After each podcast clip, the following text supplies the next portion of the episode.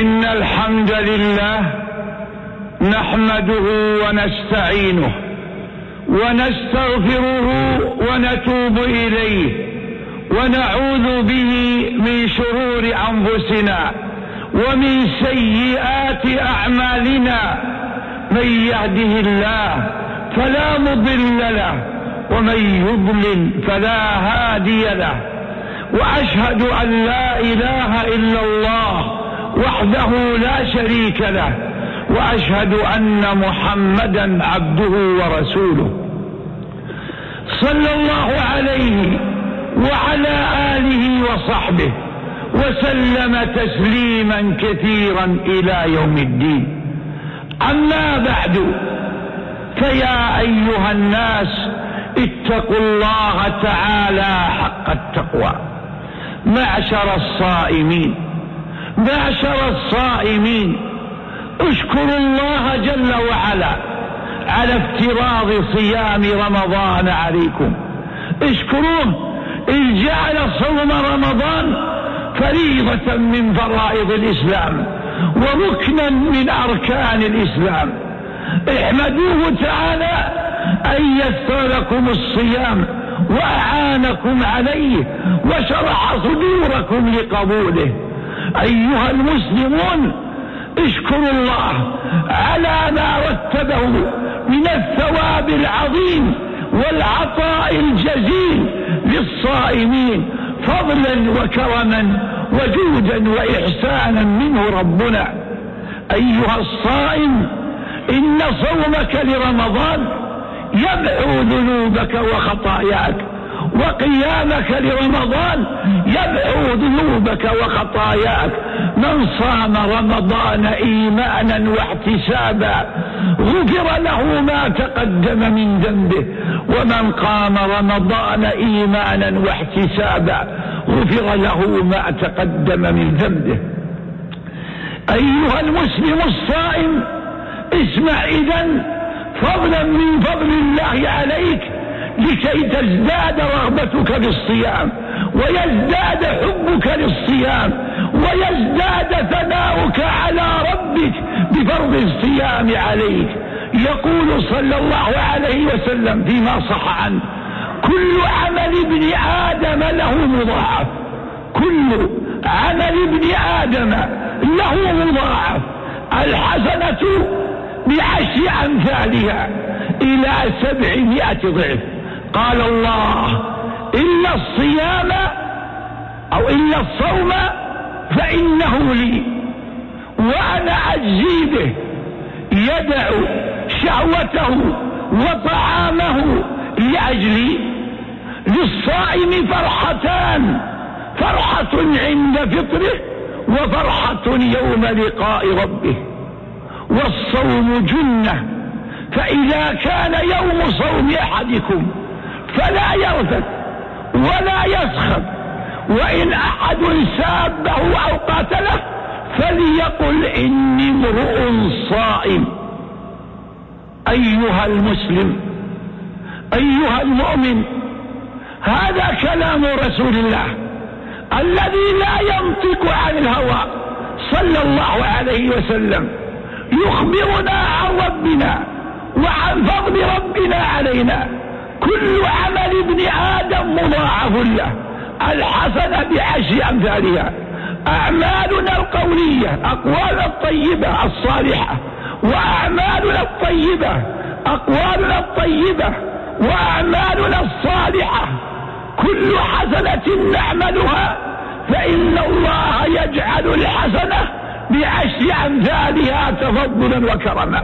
من جاء بالحسنة فله عشر أمثالها وقد يعطى أعظم من ذلك قد يصل ثواب الحسنة الواحدة إلى سبعمائة ضعف. قد يصل ثواب الحسنة الواحدة تضاعف سبعمائة ضعف. وذلك يرجع إلى قوة الإيمان وحسن العمل وعظيم الإخلاص وما لهذا العمل من آثار بعيدة ومنافع كثيرة متعدية قد يثاب العبد على الحسنة الواحدة سبعمائة حسنة تفضلا من الله وكرما وجودا أخي المسلم انظر بغي من بني إسرائيل وجدت كلبا يلهث فسقته الماء فشكر الله لها فأدخلها الجنة. فإنقاذ هذا الحيوان من الهلكة عمل يسير لكن لما كان متعدي النفع أخذ الله تلك المرأة البغي وغفر لها ذنبها وجعل سقيها للكلب سببا لدخول الجنة. وانظر أصحاب الغار الذين انطبقت عليهم الصخرة فأغلقت كل المنافذ دونهم. لا يعلم أحد بحالهم ولا يسمع أحد صوتهم. لجأوا إلى الله وتوسلوا له بصالح أعمالهم التي أخلصوها لله وعملوها ابتغاء وجه الله فصارت تلك الأعمال سببا لإنقاذهم من ذلك المضيق وتخليصهم من تلك الكربات. أحدهم توسل إلى الله ببره لوالديه وأنه فعل ذلك ابتغاء مرضات الله ففرج عنهم.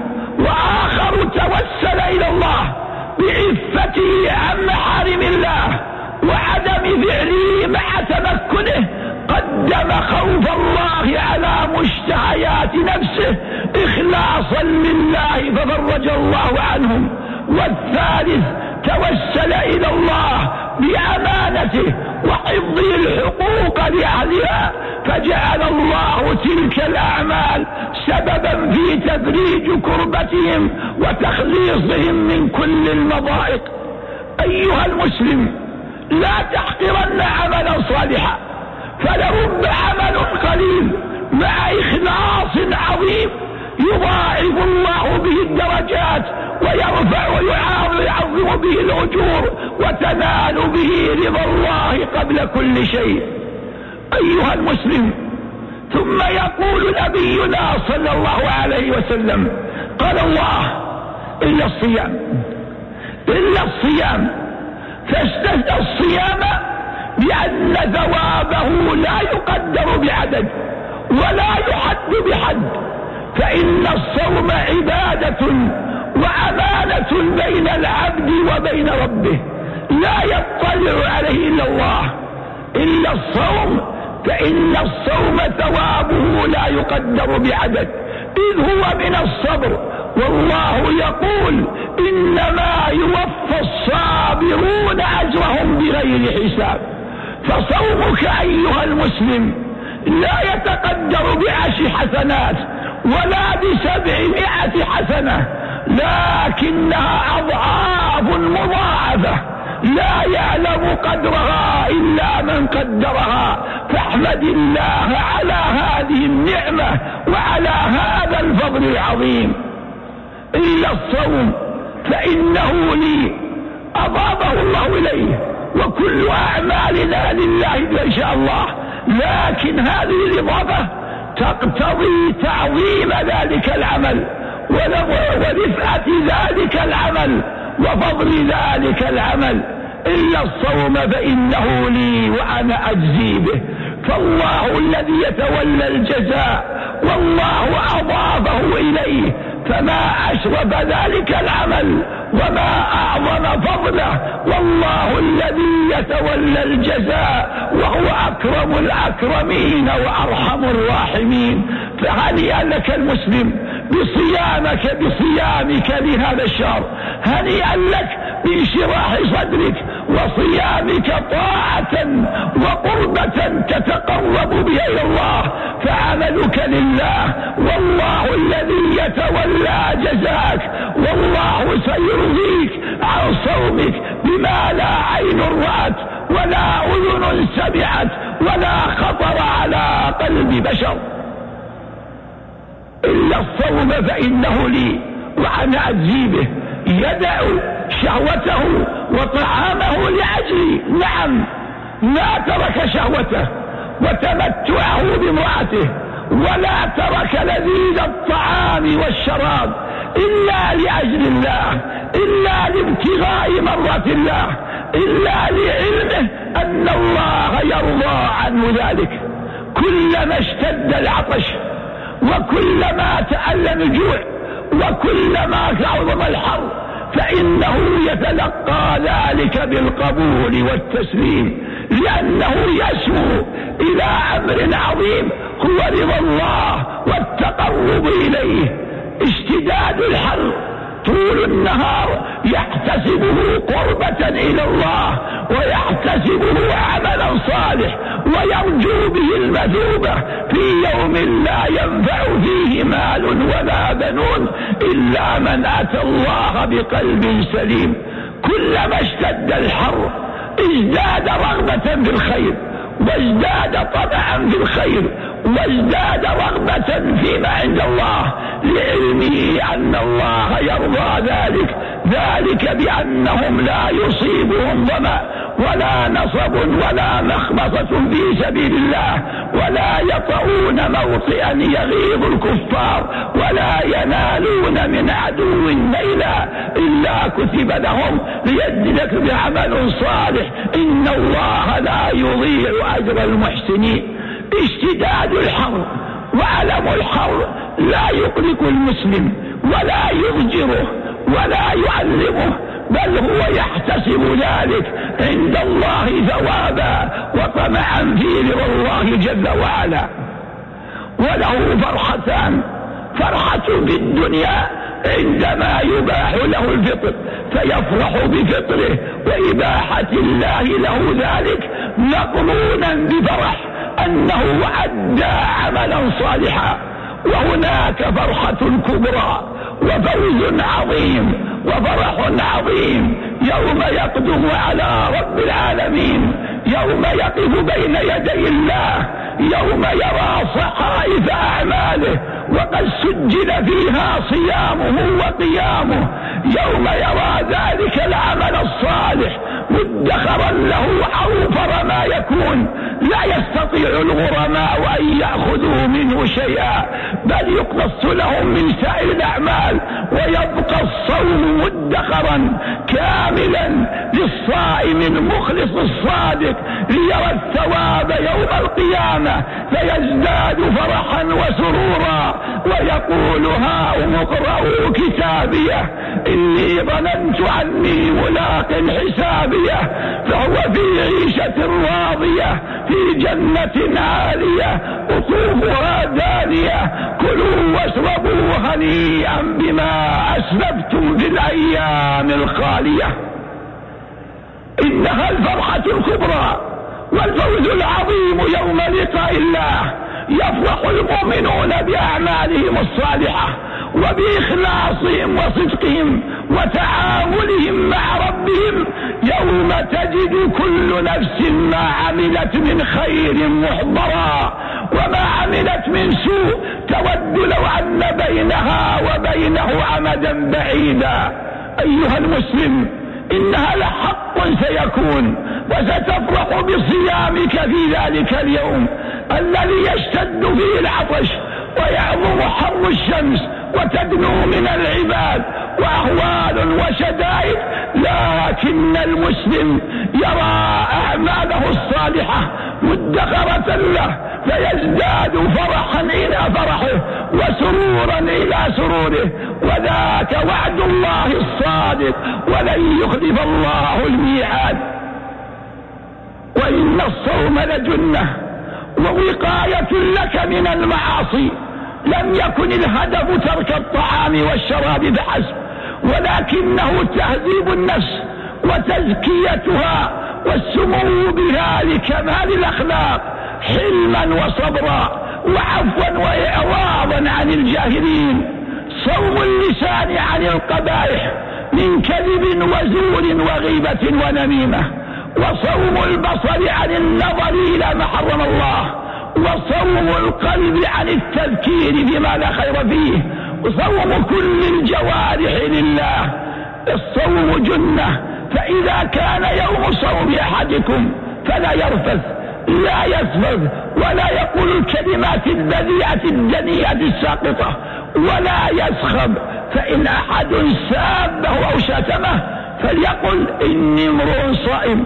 هو لا يصدر بقول سيء ولا كلام قبيح. وإذا خوطب بخطاب سيء فلا يخر مع الجاهلين ولا يراكب السفهاء وإنما يقول إني صائم فصومي حجزني عن الرذائل وصومي يمنعني عن القبائح وصومي يصرفني أن أخاطب جاهلا في جهله أو سفيها في سفهه أنا صائم صومي منعني من كل الرذائل. صومي حجبني عن كل النقائص. صومي هذب لساني وطهر قلبي.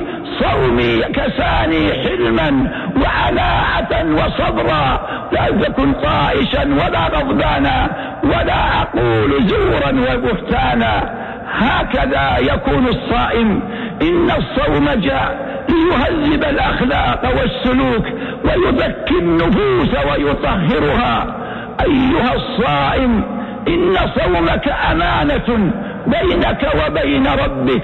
والله المطلع دون سواه أجمع المسلمون على أن من تعمد في نهار الصيام الأكل أو الشرب أو الجماع وهو ممن يجب الصوم عليه أن ذلك مفسد لصيامه. إذا تعمد ذلك فتعمد هذه الأشياء إذا تصدر إلا من ضعيف الإيمان الذي قد يكون في قلبه شك والعياذ بالله في هذا الصيام. فلا يتعمد الأكل ولا الشرب ولا الجماع إلا ضعيف الإيمان. فإن المسلمون مجمعون على أنها من فطرات الصيام بلا إشكال فالجماع محرم على الصائم في نهار رمضان ومحرم عليه كل وسيلة يمكن أن تفضي به إلى هذا الأمر. يجب أن يتقي الله ويراقبه في صيامه فيغض البصر ويغض البصر ويمسك اللسان ويبتعد عما يخشى أن يكون سببا لإفساد صيامه. جاء رجل النبي صلى الله عليه وسلم فقال يا رسول الله هلكت وأهلكت. قال ما لك؟ قال أتيت امرأتي في رمضان. قال هل تستطيع أن تعتق رقبة؟ قال لا. قال هل تستطيع أن تصوم شهرين متتابعين؟ قال لا. قال هل تستطيع أن تطعم ستين مسكينا؟ قال لا. فأتي النبي بعلق من تمر. فيه نغميه ما يقارب خمسة صاع. فقال خذه وأطعم لك قال أعلى أفقر مني يا رسول الله؟ أعلى أفقر مني؟ والله ما بين لابتي المدينة. أهل بيت أفقر من أهل بيتي. فضحك صلى الله عليه وسلم حتى بيت يده ثم قال خذه فأطعمه أهلك.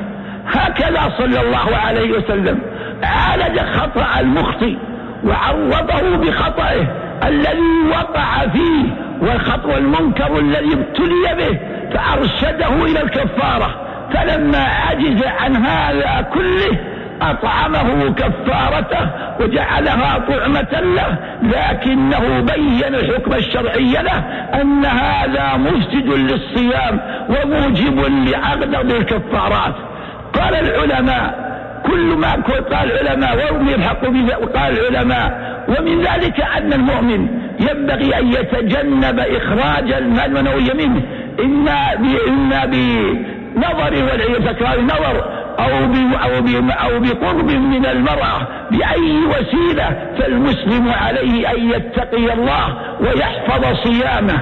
والأكل والشرب تعمده مبطل للصيام لأن هذا مناف لحقيقته. إلا أن يكون من نسيان فالنبي يقول من أكل أو شرب ناسيا فليتم صومه فإنما أطعمه الله وسقاه والأبر الأبر التي هي عوض عن الطعام والشراب هي أيضا منافية للصيام. وإدخال الدم بالإنسان وإسعافه بالدم لا شك أن ذلك مناف للصيام لأن الدم غذاء له فلا يجوز له وهو صائم ومحاولة استفراغ القيء من الإنسان وهو صائم مناف للصيام. لحديث من ذرأه القيء فلا شيء عليه ومن استقى أي طلب إخراج القيء فإن ذلك مفسد لصيامه.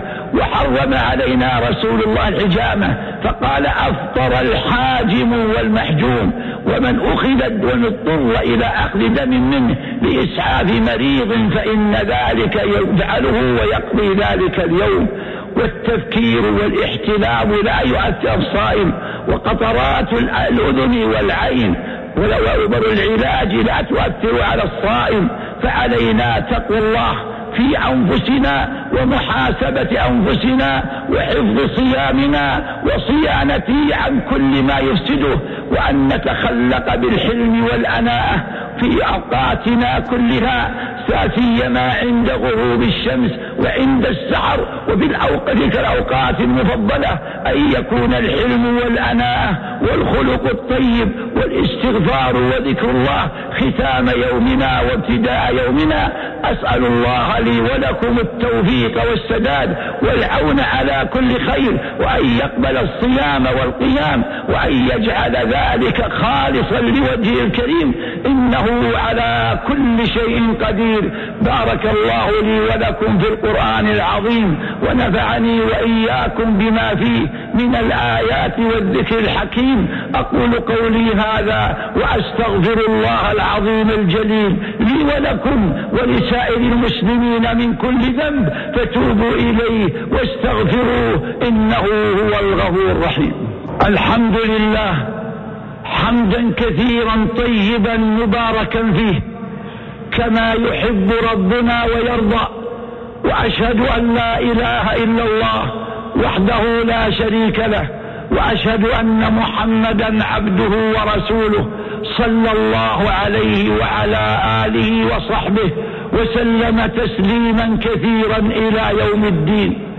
أما بعد فيا أيها الناس اتقوا الله تعالى حق التقوى عباد الله. إن للصيام آدابا واجبة وآدابا مستحبة مرغب فيها. فمن آداب الصيام أن تجتنب أيها الصائم ما حرم الله عليك. فتجتنب الكذب في الأقوال لأن الكذب من كبائر الذنوب محرم دائما وأبدا ولكنه في حق الصائم أشد حرمة. أن تجتنب الكذب على الله والكذب على رسوله والكذب للناس فيما تخبرهم به. فالكذب رذيلة وفي الصيام أشد قبحا ومن آداب الصيام أن تحافظ على الصلوات الخمس في جماعة المسلمين في المساجد فذاك واجب دائما وفي رمضان أشد أمرا وتأكيدا. ومن ذلك أن تجتنب الأقوال السيئة فلا تتخذ وقتك لاغتياب الناس وتتبع خذلاتهم وعوراتهم ولا تمشي بينهم بنميمة ولا ترمهم بما هم براء منه. فاتق الله في نفسك واشتغل بعيوبك التي فيك الكامنة فيك فحري بنا لو اشتغلنا في عيوبنا لكفى بنا أن نتعرض لأحوال الناس واتبع زلاتهم وعثراتهم. ومن الآداب المستحبة أن أن أن تناول وجبة السحر ولو قليلا فإن نبينا يقول تسحروا فإن في السحور بركة. ويقول لنا إن الله وملائكته يصلون على المتسحرين. ويقول السحور بركة ما دعوه ولو اجرى أحدكم جرعة من ماء وكان يؤخر سحوره إلى قرب الفجر صلى الله عليه وسلم فتسحر أخي ولو بقليل لتحيي هذه السنة. ولا تقل إني قد استكملت أكلتي فلا بد من إحياء السنة ولو بقليل. وبادر بالإفطار عند غروب الشمس والتأكد من غروبها رؤية أو بوسائل الإعلام المقررة ونبينا كان يعجل الناس فطرا ويقول صلى الله عليه وسلم أحب عباد الله إلى الله أعجلهم فطرا فهو صلى الله عليه وسلم يرغب في الفطور في الفطر ويقول لا يزال أمتي بخير ما عجلوا الفطر وأخروا السحور. وادعوا الله عند فطرك والتجئ إليه عند فطرك وارفع كف الضراعة إليه. عساه أن يقبل توبتك ويسمع دعاءك. واحرص عند السحر على الدعاء والالتجاء إلى ربك في كل أحوالك فإن الله قريب مجيب. أيها المسلمون إن الله جل وعلا حذرنا من السوء ومن الأعمال السيئة وأوجب علينا احترام أموال الناس ودماءهم وأعراضهم. فالصائم محترم من دماء المسلمين. ومحترم لأموالهم وأعراضهم.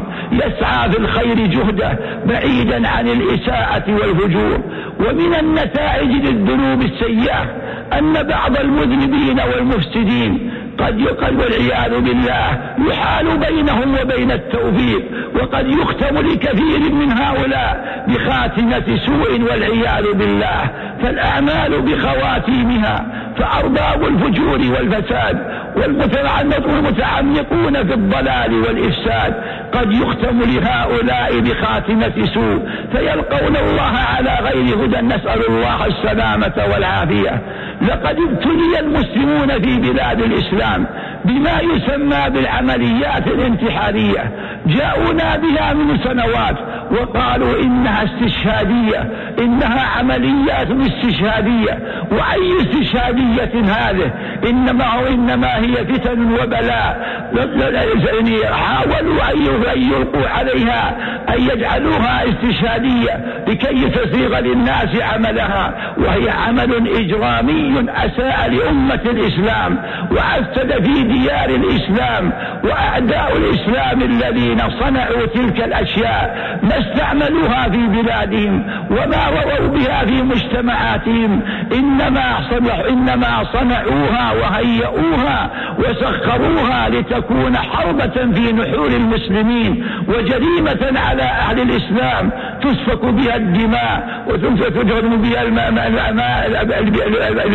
تسفك بها الدماء ويهدم بها البناء ويحصل فيها من الشر والفساد ما الله به عليم. كم حدث كم حمث الأنباء عن هذه الوسائل الخبيثة التي دمرت أمما وقضت على المئات في آن واحد لأن أربابها قاسية قلوبهم مظلمة نفوسهم لأنهم أهل فساد وشر وبلاء. وهذه والعياذ بالله خاتمة سوء أن يختم حياته بأن يقتل نفسه في سبيل شره وفساده ومن قتل نفسه بشيء عذب به يوم القيامة. والرجال الصادقون المخلصون لا يثبت عزائمهم جرم المجرمين ولا يوهن قوتهم فساد المفسدين لأن كل من يسعى في الخير والصلاح ومن هو على ثغر من ثغور الأمة لا بد أي بيت لا بد له من حاقد وحاسد ومجرم لا يرضى بهذا الخير ولا يطمئن لهذا الخير ولكن النفوس الأبية لا يوهن عزائمها هذا الفساد ولا يضعف من شأنها تسلط المتجرم المجرمين ولا فساد المفسدين الذين رضوا لأنفسهم بأن يكونوا حطب النار وأن ينتحروا والعياذ بالله. كل هذه الأمور التي بني بها المسلمون جرائم شديد جميعة ومصائب عظيمة لكن على الصدق والوفاء ومن هيأهم الله لهذا الأمر لا تهن عزائمهم تلك الأمور ولا تضعف من قوتهم هذه الأمور لعلمهم أن العامل والمجاهد والباذل لا بد له من أعداء لا بد له من أضداد لأن أهل الفساد لا يرضيهم اطمة الناس ولا يرضيهم أمن الأمة. ولا يرضيهم سلامتها ولكن الله بالمرصاد لهؤلاء المجرمين الآثمين الذين فزت قلوبهم وساءت أعمالهم. نسأل الله أن يختمنا ولكم بخاتمة خير وأن يعيذنا من شرور أنفسنا وسيئات أعمالنا وأن يحفظ بلاد المسلمين من كيد الكائدين وحقد الحاقدين. إنه على كل شيء قدير. واعلموا رحمكم الله أن أحسن الحديث كتاب الله وخير الهدي هدي محمد صلى الله عليه وسلم وشر الأمور محدثاتها وكل بدعة ضلالة. وعليكم بجماعة المسلمين فإن يد الله على الجماعة ومن شد شد في النار. وصلوا رحمكم الله على عبد الله ورسوله محمد كما أمركم بذلك ربكم. قال تعالى إن الله وملائكته يصلون على النبي يا أيها الذين آمنوا صلوا عليه وسلموا تسليما. اللهم صل وسلم وبارك على عبدك ورسولك محمد. وارض اللهم عن خلفائه الراشدين الأئمة المهديين أبي بكر وعمر وعثمان وعلي وعن سائر أصحاب نبيك أجمعين وعن التابعين وتابعيهم بإحسان إلى يوم الدين. وعنا معهم بعفوك وكرمك وجودك وإحسانك يا أرحم الراحمين. اللهم أعز الإسلام والمسلمين وأذل الشرك والمشركين ودمر أعداء الدين وانصر عبادك الموحدين واجعل اللهم هذا البلد آمنا مطمئنا وسائر بلاد المسلمين يا رب العالمين. اللهم آمنا في أوطاننا وأصل أئمتنا وولاة أمرنا ووفقهم لما فيه صلاح الإسلام والمسلمين. اللهم وفق إمامنا إمام المسلمين. عبد الله بن عبد كل خير. اللهم مده بعونك وتوفيقك وتأييدك وكن له عونا ونصيرا في كل ما أهمه اللهم اجمع به كلمة الأمة ووحد به صفقها على الخير والهدى. اللهم شد أزره بولي عهده. سلطان بن عبد العزيز ووفقه لصالح القول والعمل وبارك له في عمره وعمله وألبسه بالصحة والسلامة والعافية. اللهم وفق النائب الثاني نائب عبد العزيز كل خير وأعنه على مسؤوليته وسدده في أقواله وأعماله واجعلهم جميعا دعاة خير وقاهدا إنك على كل شيء قدير. ربنا اغفر لنا ولإخواننا الذين سبقونا بالإيمان ولا تجعل في قلوبنا غلا للذين آمنوا. ربنا إنك رؤوف رحيم ربنا ظلمنا أنفسنا وإن لم تغفر لنا وترحمنا لنكونن من الخاسرين. ربنا آتنا في الدنيا حسنة وفي الآخرة حسنة وقنا عذاب النار. عباد الله إن الله يأمر بالعدل والإحسان وإيتاء ذي القربى وينهى عن الفحشاء والمنكر والبغي. يعظكم لعلهم تذكرون. فاذكروا الله العظيم الجليل يذكركم. واشكروه على عموم نعمه يزدكم. ولذكر الله أكبر والله يعلم ما تصنعون.